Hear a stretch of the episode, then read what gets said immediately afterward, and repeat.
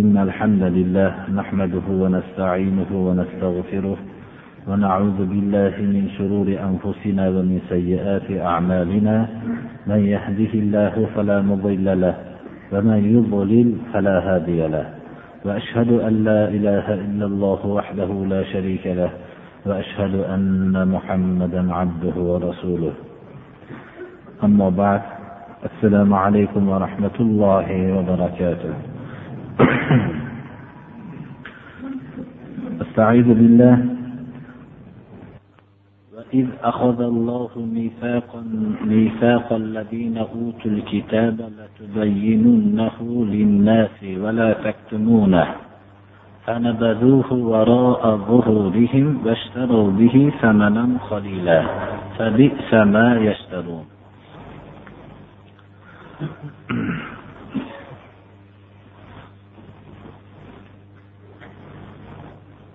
alloh subhanahu va taolo mana bu oyatda ahli kitoblarning ya'ni yahudiy va nasorolarning rasululloh sollallohu alayhi vasallamning olib kelgan yo'llariga nisbatan tutgan o'rinlari olloh subhanahu va taolo ahli kitoblardan olgan ahdga zid ekanligini bayon qilyapti. Ular o'zlarining nozil qilingan kitoblarda ya'ni tavrotu injil zaburlardagi rasululloh sollallohu alayhi vasallamning kelajakda payg'ambar bo'lishliklarini hatto nomlari ham zikr qilingan edi bularni xalqlarga bayon qilishliklari va buni bekitmasliklariga alloh subhanahu va taolo tarafidan ahd bo'lgan edi. Bular bu ahdni qabul qilishgan edi. Bular rasululloh sollallohu alayhi vasallam quraysh xalqidan quraysh qabilasidan bo'lgan bu zot payg'ambarlik alloh subhana va taolo tarafidan bu kishiga nozil bo'lgandan keyin ular bu ahdlarga xilof qilishdi. Rasululloh sollallohu alayhi vasallamning tavrotdagi injildagi bayon qilingan sifatlarni bayon qilishib kelayotgan kishilar endi bayon qilmay qolishdi. Ular balki bekitishdi. Rasululloh sollallohu alayhi vasallamning barhaq payg'ambarligini inkor qilishib ollohlar ollohga bergan ahdlariga xilof ish qilishdi. Yodingizga oling ey muhammad alayhissalom deb olloh bizga xabar beryaptiki alloh taolo ahli kitoblardan ahdi paymon olgan vaqtni ahdi paymon shudiki ahli kitoblarga alloh subhanahu va taolo bu risolatni payg'ambarimiz sollallohu alayhi vasallamni odamlarga albatta bayon qilasizlar va bekitmaysizlar degan ahdni olgan vaqtini yodingizga oling. Bular nima qilishdi? Ular bu ahdlarini orqalariga uloqtirishdi ya'ni ahdlarga vafo qilishmadi. Ahdlardan voz kechishdi. Odatda insonning ahda turmasligi ahdini buzishligiga sabab ozgina dunyoga aldanishlik bo'ladi. Qur'oni karim mana bu oyatda bayon qilib ular bu ahdlarini ozgina pulga sotishdi. Bular ozgina martaba moli davlatni qo'lga keltirishlik uchun shu ahdlaridan voz kechishdi. Qaysi bir tarixda? Hozirda ham. Ho uzoq tarix bo'lsin ho yaqin tarix bo'lsin.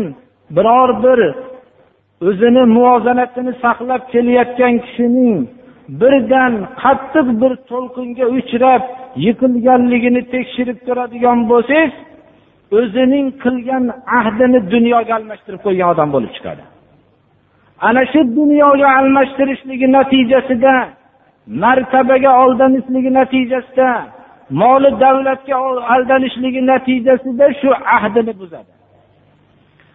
Agarki yer yuzining hamma mulkini abadiy shu to qiyomatgacha podshohi bo'lishlikka almashtirsa ham ahdini inson arzimas ozgina pulga almashtirgan bo'ladi. Qur'oni karim ozgina bir pulga almashtirib sotib qo'yishdi ular sotgan narsa ular ahdidek qiymatbaho narsani sotib arzimas dunyoga almashtirib martabalarga almashtirgan bu almashtirilingan narsa qanday bir yomon narsa bo'ldi haqiqatda ham dunyo har qancha bo'lsa yo'qoladi inson o'zini qorni to'yadigandan ortiq narsa yeyolmaydi. Inson ustiga kiyadigan kiyimdan ortiq narsa kiya olmaydi. Mana bu narsadan ortiq narsani xohlasa ham xohlamasa ham tashlab ketadi. Ba'zida bu tashlab ketgan narsasi butun o'zining qilgan maqsadiga zid bo'lgan ishlarga sarf bo'lishligi mumkin. Yoyinki shunday kishilarga tashlab ketadiki mana o'tgan darslarimizda ham e'lon qildik. Agar bir kishi o'zining moli davlatini tashlab ketgandan keyin hamma moli davlatini farzandlar taqsim qilib kerakli narsalarni olib bo'lgandan keyin shu ota tirilib kelib qolsa farzandlarga g'amginlik bo'ladi birodarlar. Qo'pol bo'lsa ham shunday bo'ladi. Lekin hamma kishi aytadiki yo'q menga bunday bo'lmaydi deydi. Lekin shu dunyoda arzimas dunyo shunday narsaki hatto buni egallab olingandan keyin ko'ziga shuni shunday qiymatbaho ota onalari ham yaxshi ko'rinolmay qoladi birodarlar. Ana shunday moli davlatlarni farzandlarga qoldiraman deb turib ahdlarni buzgan kishilar haqiqatda arzimas narsaga ahdlarni sotgan kishilar bo'ladi. Qanday yomon narsani sotib olishdi ular. Ular sotib olgan narsalar qanday yomon narsa?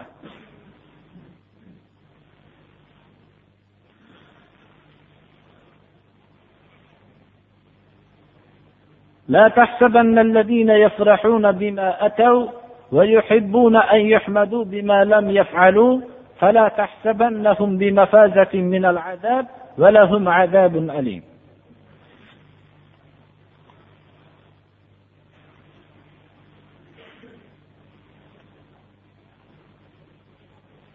imom buxoriy rivoyatlarida abu saidin hudriydan rivoyat qilinadiki roziyallohu anhu bir necha munofiqlar rasul sollallohu alayhi vasallamning davrlarida payg'ambarimiz sollallohu alayhi vasallam biror bir g'azotga chiqsalar qolishardi. Turli bahonalarni ko'rsatib qolishardi.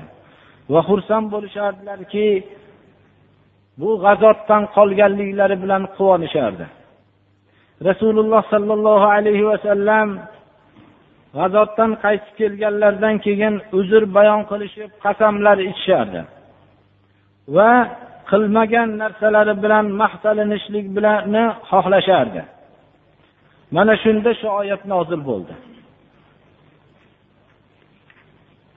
لا تحسبن الذين يفرحون بما أتوا ويحبون أن يحمدوا بما لم يفعلوا فلا تحسبنهم بمفازة من العذاب ولهم عذاب أليم qilgan ishlari bilan quvonib qilmagan ishlari bilan maqtalinishlikni yaxshi ko'rgan kishilarni azobdan qutulgan deb gumon qilmang ularga alamlantiruvchi azob bordir Masala tarixiy bir masalaga bog'liq bo'lsa ham hayotda shunday kishilarning hammalarini bir turi bo'ladi. Hozirgi aytilingan oyatni turidagi bo'lgan kishilar juda ko'pchilikni tashkil qiladi. Alloh subhanahu va taolo shunday kishilardan bo'lib qolishlikdan alloh panoh bersin. Agar bir islomiy harakat islomiy bir xizmat bo'ladigan bo'lsa shunga labbay deyuvchi kishilar bo'lsayu bular mag'lub bo'lib qolishsa bu bahona bilan qolgan kishilar darrov o'zlarining faylasufligini boshlashadi. O'zlariga tajribakorlik aqllilik bizda mana shunday shoshmasdan fikrlashlik bor deyishadi. Agar shu islomiy xizmat bilan biror bir og'ir ishni bajaruvchi kishilar g'alabaga erishsa foydalar ko'rishsa ular ham orqada qolganligidan hijolat bo'lishlikni o'rniga biz buyoqda turganimiz bilan maslahatni biz berib turganmiz deyishadi. Bu ishni zimdan biz bajarganmiz deydi. Agar mag'lub bo'lgan bo'lsa mana bizni so'zimizga kirmaganligi uchun mana shunday boshlariga musibat tushdi deb faylasuflikni boshlaydi. Qilmagan ishlari bilan maqtalinadigan kishilar ho ishlar kichkina bo'lsin ho katta bo'lsin har bir jamoada bo'ladi birodarlar. Go'yoki qur'on tamsil qilayotganda qo'rqasizki men shu kishilardan emasmikinman deb uyda biror bir ish bo'lsa hatto yosh bolalarda ham bu ta'sir bo'ladi.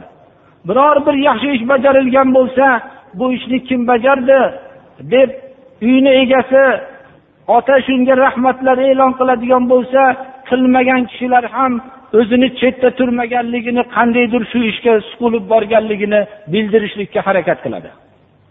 Har bir jamoada shunday harakat bo'ladi.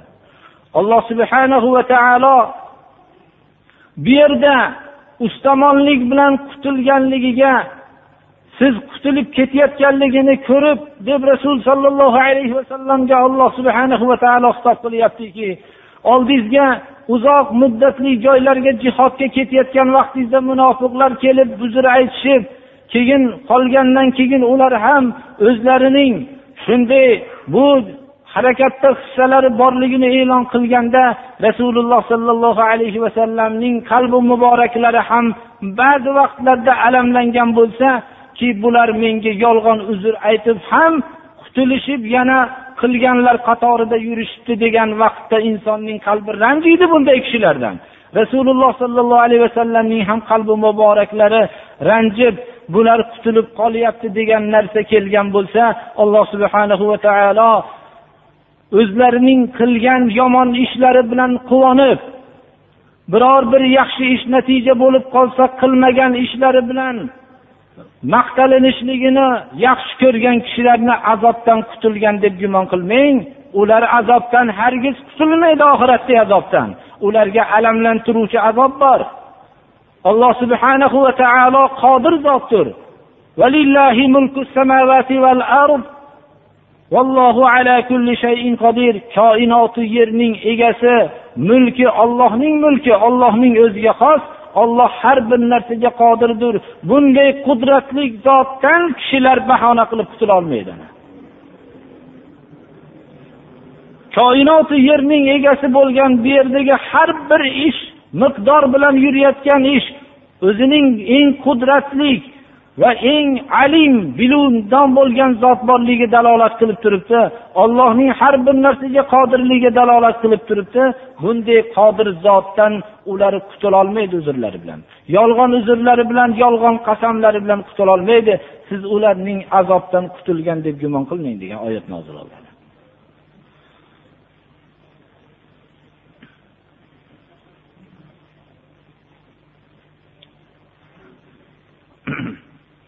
إن في خلق السماوات والأرض واختلاف الليل والنهار لآيات لأولي الألباب. الذين يذكرون الله قياما وقعودا وعلى جنوبهم ويتفكرون في خلق السماوات والأرض ربنا ما خلقت هذا باطلا سبحانك فقنا عذاب النار. alloh subhanahu va taolo qur'oni karimni nozil qildi qur'ondagi har bir oyat ollohning kalomi ekanligiga dalolat qilsa alloh subhanahu va taolo qur'oni karimdek muqaddas kitob bilan birga borliq kitobini ham ochib qo'ydi. Borliqdagi har bir narsa ollohning yakka ekanligiga dalolat qiladi. Ollohning ulug' sifatlar egasi bo'lgan zot ekanligiga dalolat qiladi. Lekin bu hamma kishilar uchun dalolat qiladigan sabab bo'lmaydi. Bunday bun dalolat qiladigan ollohni yakkaligiga dalolat qiladigan alomatlar bo'lishlik aqlli kishilarga xosdir. Mana bu oyatda koinoti yerning yaratilishligida kecha va kunduzning almashlanishligida aqlli kishilar uchun juda ko'p dalolatlar borki bu olam o'z öz o'zidan yaratilmaganligiga bu olamni yo'qdan bor qiluvchi zot bor ekanligiga va shu bilan birga bu zot juda ulug' sifatlar egasi ekanligiga dalolat qiluvchi alomatlar bor. Bu alomatlar faqat aqlli kishilargagina ma'lum bo'ladi. Agar koinotu yerni yaratilishligini kecha va kunduzning almashlanishligini ko'rib turib yakka ollohni tanimagan kishilar aqlli kishilar safidan mahrum ekanligiga ham dalolat qiladi haqiqatda ham koinoti yerdagi har bir mavjudot kichkina mavjudotdan tortib katta mavjudotgacha biz ko'rgan mavjudotdan tortib ko'rmagan mavjudotlargacha bular hammasi yakka bir yaratuvchini borligiga dalolat qiladi. Buni insofli kishilar hammasi tan oldi. Boshqa dinda dinga mutlaqo mansub bo'lmagan kishilar ham kecha va kunduzning almashlanishligi bu juda katta mo'jiza. Lekin insonlarning ko'zida bu mo'jizaning takrorlanishligi buning mo'jizalik xususiyatini kishilarning esidan chiqartirib qo'ygan. Agar kecha va kunduzning almashlanishligini hayotida hech guvohi bo'lmagan kishi agar shunday bir birinchi marta yer yuziga tushib turib shuni guvohi bo'ladigan bo'lsa hamma odamlardan taajjublangan bo'lardi. Shunday ajoyib mo'jizaga ta'sirlanmasdan bular beparvo yuribdi deb biror bir tovush chiqmasdan biror bir holat o'zgarmasdan nihoyatda juda ham bilinmaydigan suratda kecha bilan kunduzning almashlanishligi bu juda katta qudrat egasi bor ekanligiga dalolat qiladi hozirgi olimlarning fikricha agar uch kunga borsak kunduzning bo'lmasligi kunduz bilan kecha almashmasdan faqat kechasi bo'lsa yer yuzi muzlab qotib qolishligini mana hozir ham isbotlashyapti. Lekin insonlar o'zlaridagi shuncha katta ne'matni hech esga olmasdan bir umrni o'tkazib yuborishadilar. Shuning uchun ham kecha va kunduzning almashlanishligida aqlli kishilarga uchun ollohning yakkaligiga dalolat qiluvchi alomatlar bor deyilyapti. Aqlli kishilar kimlar?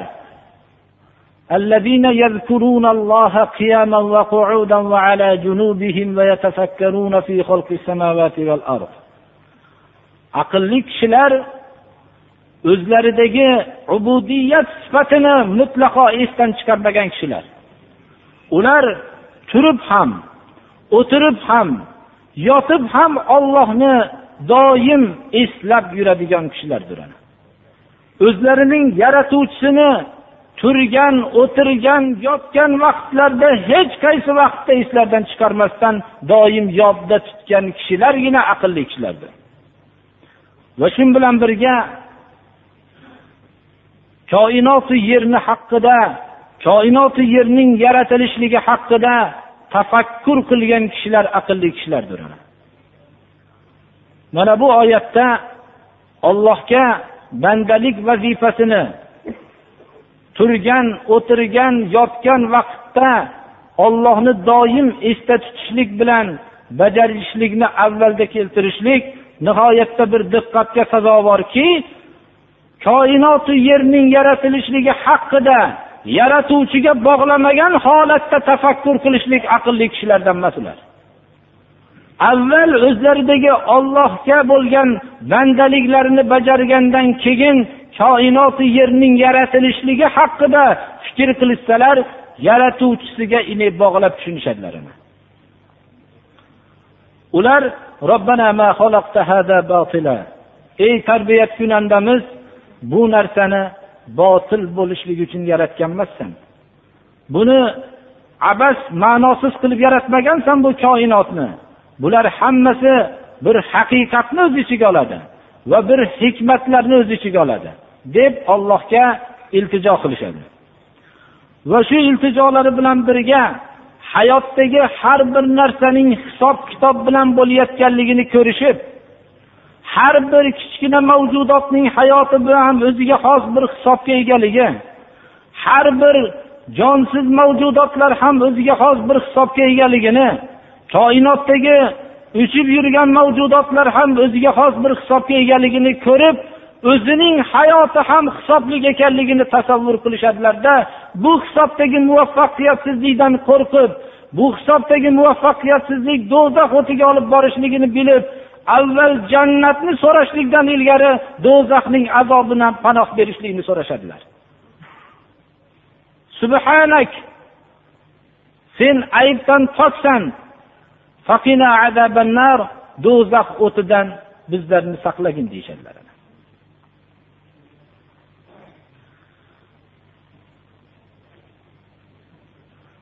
Alloh subhanahu va taoloning maxluqotida tafakkur qilishlik ollohning xalqlarga ochib qo'ygan borliq kitobini tadabbur qilish va bu yerda bu borliq kitobining har bir varaqlarini ochib o'rganishlik islom istilohida katta ibodatlar qismidan hisoblanadi. Shu bilan birga borliq haqidagi ilmlarni o'rganishlik agar yaratuvchiga bog'langan holatda o'rganiladigan bo'lsa ibodat hisoblanadi. Har bir ilm yaratuvchiga bog'lanishlik bilan ilm bu ibodatga aylanadi. Islom istilohidagi ibodat mana shu umumiy ma'nosi shuni tashkil qiladi.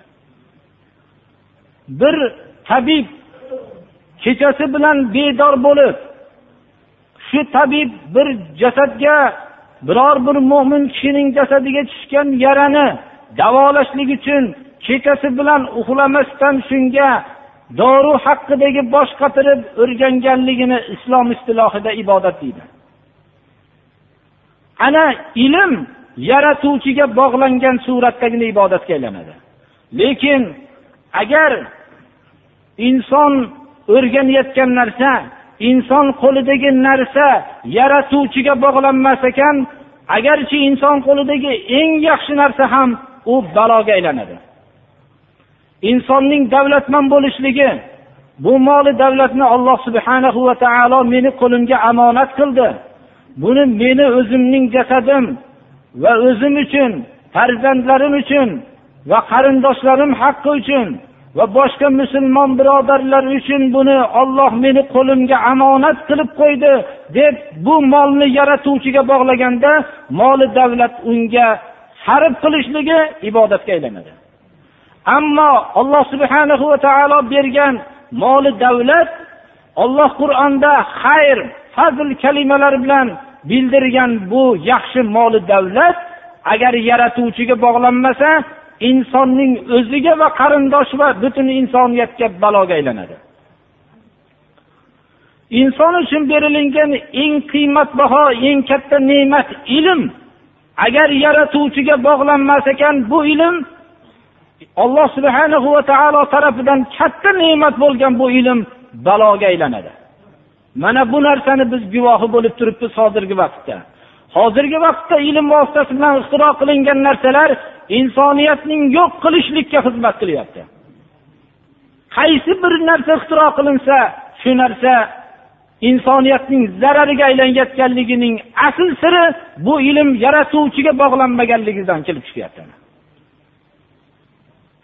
kishilar uylariga oqizilingan bir anhor misolini olsak shu anhor ham suv shunchalik manfaatli narsa bo'lishi bilan birga agar bu suvni inson bu meni uchun alloh subhanahu va taolo tarafidan bizga va qarindosh va boshqa insonlarning umum insoniyat uchun ne'mat qilib jo'natilingan deb bilmas ekan bu suv zaharlanib har bir eshikdan o'tayotganda axlat bo'lib bu najasga aylanib turib insoniyatning zarariga aylanadi. Insonning tandurustligi sog'lomligi ham agar yaratuvchi tarafidan menga bu jasadni berildi bu sog' tandurustlik menga ollohning ne'mati deb yaratuvchiga bog'lanmagan tandurustlik insonlar o'rtasida jinoyatlarga sabab bo'ladi. Agar shu kishi kasal bo'lib dardmand bo'lganda jinoyat qilishlikka qudratsiz bo'lib yotgan bo'lardi. Lekin kasallik ham agar alloh subhanahu va taolo tarafidan bo'lgan bu menga kasallik deb qabul qilinmasa bu ham insoniyat zarariga aylanadi. Bunga misol qilib mana umar ibn hattob davrida vabo kasaliga giriftor bo'lgan vaqtda ashoblarning ba'zilari vabo kasaliga giriftor bo'lishganlarida aytdilarki bu olloh tarafidan menga ne'mat dedilar. Rasululloh sollallohu alayhi vasallamdan eshitdimki kim shunday vabo bo'lgan joyga kirib qolsa tashqariga chiqmasin dedilar. Va tashqarida bo'lgan bo'lsa bu yerga kirmasin dedilar. Va shu yerdagi kasallikni o'ziga olloh tarafiga bog'langanligi uchun boshqa insonlarga bu kasallik yuqmasligini hisob qilib mana shu yerda o'limni ixtiyor qildi ashoblar mana. Yaratuvchi tarafiga bog'langan oddiy narsalar ham katta ibodatga aylanadi. Mana bu yerda ham bizning hozirgi bashariyat boshidan boshi berk ko'chaga kirib qolishligi va tamomiy olamni mushkulotlarni bosib ketganligini siri har bir inson tarafidan ixtiro qilingan narsa yaratuvchisiga bog'lanmasdan bog'lamaganligidan bu ixtiro qilingan insoniyat manfaati uchun ixtiro qilingan narsalar insonga baloga aylanib turibdi mana. Mana qur'oni karimda aqlli kishilar deb ollohning turib ham o'tirib ham yotib ham doim esda tutadiganlar koinoti yerning yaratilishligi haqida fikrlaydiganlar va alloh subhanahu va taolo bu yaratgan narsalarning hammasini botil yaratmagan deb tan olgan kishilar kuchli hikmatlar uchun yaratgan deb bilishlik va ollohni doim ayblardan pok deb bilish va hayotning har bir narsasini hisob kitob bilan deb o'zining hayotida ham do'zax azobidan panohni istab yashagan kishilarni alloh subhana va taolo aqlli kishilar deyapti robbana innaka man tudkhilin nara faqad akhzayta va ma lizzolimina min ansor ey rabbimiz sen bir kishini do'zaxga kirgizsang uni rasvo qilgan bo'lasan. Uni sharmanda qilgan bo'lgan bo'lasan. Buni haqiqatda ham inson o'zining hayotida o'zining tabiatiga olloh yaratgan tabiatga muvofiq yashashligi bilan va olloh bergan narsalarning omonat deb bilib hayotda pokiza yashashlik bilan jannatga kirishligi mumkin bo'lgan odam shunday qiymatbaho narsadan qo'ldan berib do'zaxga kirishligi juda katta bir sharmandalik turadi.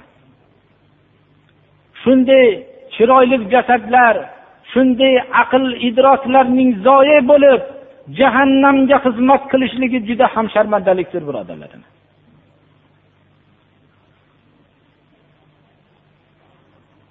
aqlli kishilar do'zax o'tidagi azobdan ham bu yerdagi sharmandalikdan qo'rqishadilar. O'zlariga zulm qilib kelgan shariatga amal qilmasdan zulm qilib kelgan kishilarga bu yerda hech qanday yordamchi bo'lmaydi.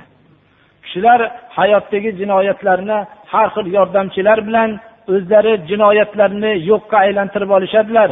Ammo qiyomat unday joy emas. Qiyomatda bunday zolimlarga o'ziga zulm qilganlarga mutlaqo yordamchilar bo'lmaydi.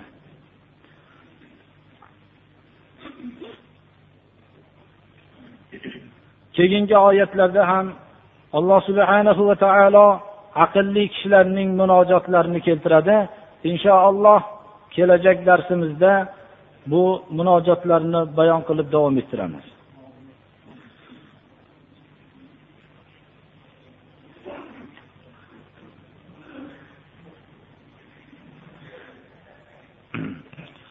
Alloh subhanahu va taolo hammamizni ham hozirgi darsimizda o'tgan ahd qilib ahdini buzadigan kishilardan bo'lib qolishlikdan alloh panoh bersin. Ahdi qilib ahdiga vafodor bo'ladigan kishilardan qilsin. Va qilmagan ishlari bilan yaxshi ishlarni boshqalar bajarsayu bular qilmaganlar ham o'zimiz biz qilganmiz buni deb qilmagan ishlar bilan maqtanib yuradigan kishilardan bo'lishlikdan alloh panoh bersin va koinoti yerni tafakkur qilib ertayu kechda va turib o'tirib yotib doim ollohni esdan chiqarmaydigan bandalar safidan o'rin bersin. Alloh subhanahu va taolo mana bu oyatda bayon qildi do'zaxga kirgizgan kishini juda ham sharmanda qilganligini belgisidir ana. alloh subhanahu va taolo qiyomat kunida shu sharmandalikdan olloh o'zi panoh bersin اهدنا الصراط المستقيم صراط الذين أنعمت عليهم غير المغضوب عليهم ولا الضالين alloh subhanahu va taolo bizlarni ham xalqlarni hidoyatiga alloh sabab qilsin va birodarlar payg'ambarimiz sollallohu alayhi vasallamdan bir hadis sharif rivoyat qilinganki masjidga kirgan kishilarning eng afzallari avval kirib oxiri chiqib ketganlari deganlar. Kirishda avvalda kirib chiqishda oxirida chiqib ketganlari deganlarining siri ba'zi vaqtlarda ma'lum bo'lib qoladiki jamoat namozlari bilan namoz o'qilgan vaqtda ba'zi birodarlarni farzdan keyin turib ketib qolishliklari orqada o'qiyotgan kishilarning sunnat o'qiyotganda oldilaridan o'tib ketishligiga ham sabab bo'ladi.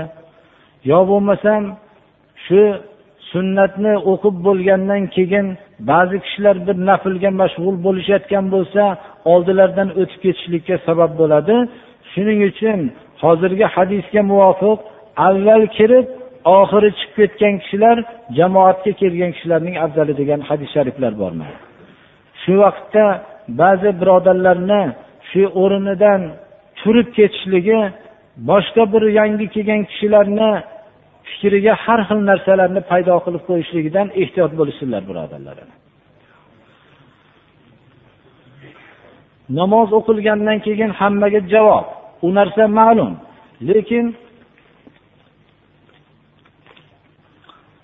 lekin shu narsadan biz sunnatlarni hamma shu yerda o'qishga odatlanib qolgandan keyin xususan yosh ukalarimiz ehtiyot bo'lib jilmasdan duoi fotihadan keyin barobar turishsalar shu hozirgi noto'g'ri bo'layotgan ishlar vujudga kelmay qoladi.